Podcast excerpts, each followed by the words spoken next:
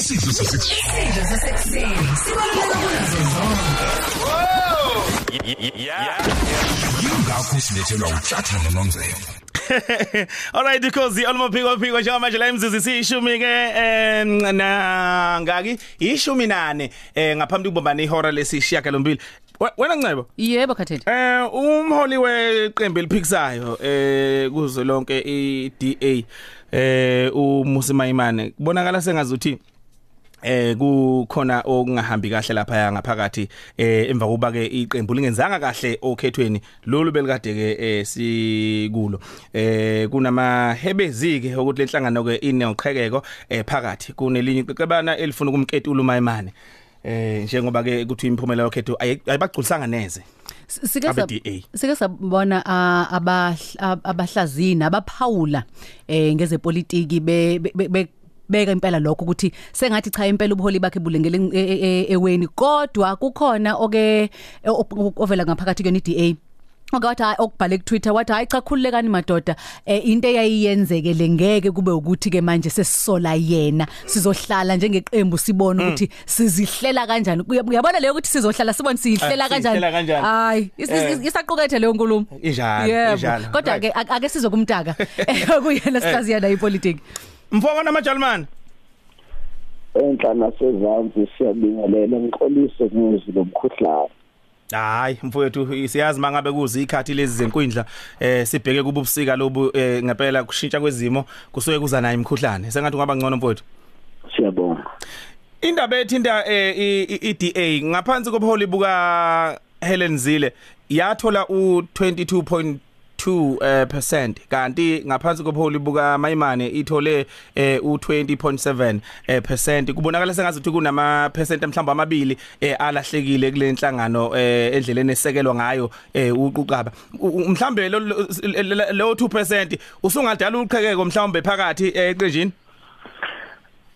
Yebo ngalidala asiqale sibuye emuva. Ngonyaka odlule kulona lohlelo umnumzana umayimane ehambe waya kwa-israel eyozama ukuthola imali. Sakubeka ukuthi uya ngesikhathi esibi lapho iqembu lakhe linabantu ngaphakathi abangasabuthandi ubuholi. Hayi bakhe nje ngoba ufuna sikuhlukanise khona ubuholi bukamayimane obunamaphutha bese kuba khona abangabuthandi ubuholi bohlanga ohola inhlangano yabantu abadeshi eh, akade beyiphethe lokuyaqala. Uma emane kiphutha lenzile eh lokuthi uma ethatha ihlangu lezi eh, kunkosikazi uzile wase wangeza nababohlanga ebuholini bakhe. Wakunceka kakhulu kubadeshi. Ngeshwa lakhe ke uthi uma sehluleka baqhela laba yabadeshi sekusekela abakithi abanjengomncwango nogana osekuyibo nje abala abanqamuka izandla bethi ebayamvikela nabo futhi abamvikeli nawulalela abamvikeli ngoba bethi umuntu owenze kahle. Bayazi ukuthi eh uma eshawa njengohlanga abalandelayo yibo ngoba bakhona ngaphakathi ku DA abane abanombono ukuthi kuhle yebo ukwanda kwabohlanga ku DA kodwa manje ukwanda kwabo sekugqiba abadeshi okungabalikazi begceke lapha eh ku DA ngakho ke uma emane bebemshaya nje ngento ewumlando ku DA uma iDA ingenela ukhetho ngo1994 yenza kabi umholi wayo ngaleso sikhathi umnumzana uZak DBS wasewenza into eyayingalindelekile wathi uyasula ngenxa yemphumela ngakho kuma imali bamkhumbuza ithi hayi eh akwenziwa ngoba kuwena mnumzane wenza uSFDB kodwa ke iqiniso likhona okunye ukucashile ngale. Ingakho embhalweni ngiyengayibhala ngesonto ngiyaqinisekisa ukuthi ngempela bakhona abahlela ukuthi baphume inxiwa. Kodwa into esibabambile manje ukuthi lelinxiwa lizoba isipolitiki noma lizoba inhlangano efana neFreedom Front okuchaza ukuthi eh esanhlangano engekho ngaphansi kahulumeni kodwa ekwazi eh, ukufuqa imicabango ethize njengoba yenza iFreedom Front nje ifuqa okwamabhuno lana ke bona bafuna ukufuqa lo moya kuthiwa liberalism eh ngaphandle ukuthi eh, indaba ilapho nje.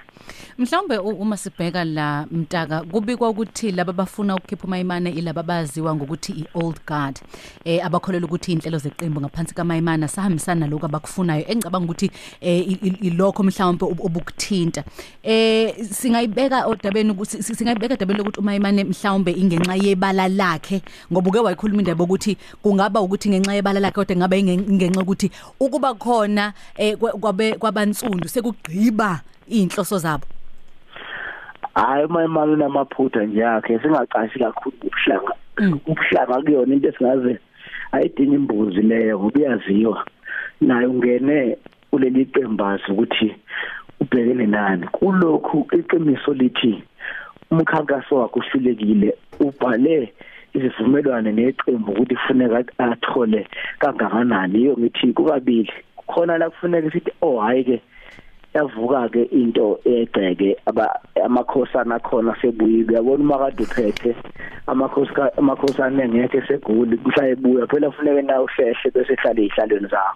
Mm. eh amakhosana eDA ke afuna ukubuyela kwabo kade kuhlela umnomzana uMayimani olunye udaba lona.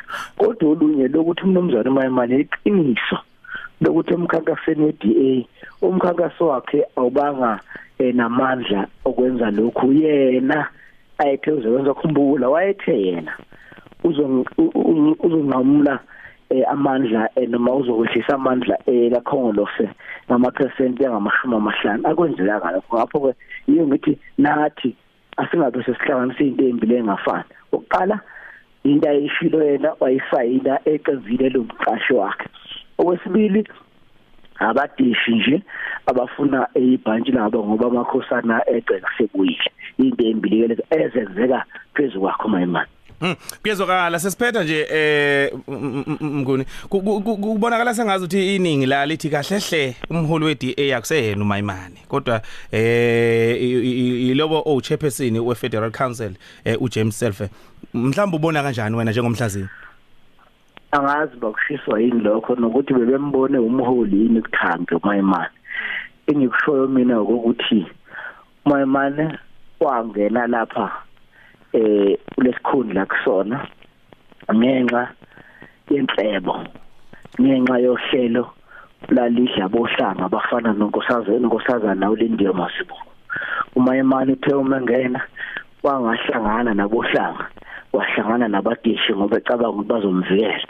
Uma imali manje eh ngenxa yokujaha ngihlale ngisho lento sokangobe abosopolitiki nabantu nje jikelele kwaloku ukuthi uhubo nogwaja ababili ngesikhathi esisodwa ngoba lapho behlukana khona uzama uvama ukusala wedwa ngoba ahlukana phela.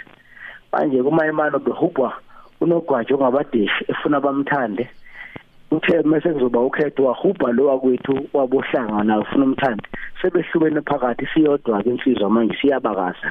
Yiyo ngithi ke eh uyalazi usiza Brenalo beyazi impa Brenalo kodwa ukufuneka kunconywe okwamanje. Ukuthi abaholi abanjengogana kanye nabaholi abanjengomnqango bakwazile ukuthi yebo ke wenza amaphutha ngoba elinye iphutha elikhona efuna silibheke abelungu lapha ku DA bebengamphakaseli mayimani beyibambelena nabo laba bohlanga uma kade ubuka le la kade gijima khona eyihlwele bekuyilabo basemandokishini abamnyama. Yiyo ngithi ke asiba tuse abantu abafana nongcwango nogana ukuthi phezulu wonke amaphutha bayakwazi ukuhluza ukuthi hayi lathi lana ke akusakhulunywa ngesivumelano seqembu kufuneka vese kukhulunywa ngaso. Engathi lapha sekukhulunywa ngohlanga lwethu ake sime ndawonye kwesigaba ngoba iqiniso lithi lento ababeyiqalile leba bethi igunundu elabohlanga ngaphakathi Black Caucus eh ku DA balivese lishilo ukuthi siyoba khona isidingo sokuthi kube khona izinto njengoba befika nje abayilwela njengabohlanga ngaphakathi DA ngoba asikusho futhi. Abelungu abanalo iphutho kuleleni kwabo balazi linjalo balakha linjalo. Ngakho noma imane nogana nomncwango abanalo iphutho ethi naye sesikhona phela sesizabala ekhaya besicela ukuthi kubonakala ukuthi nathi sesikhona. Mm. Ngoni sebankulu mfowethu? Eh siphinde sibe nawe ngokuzayo. siyabonga. Mhlazike wepolitiki lo bese sikhuluma naye ke uNhlanhla umfoka Mtaka ngalesikhathi.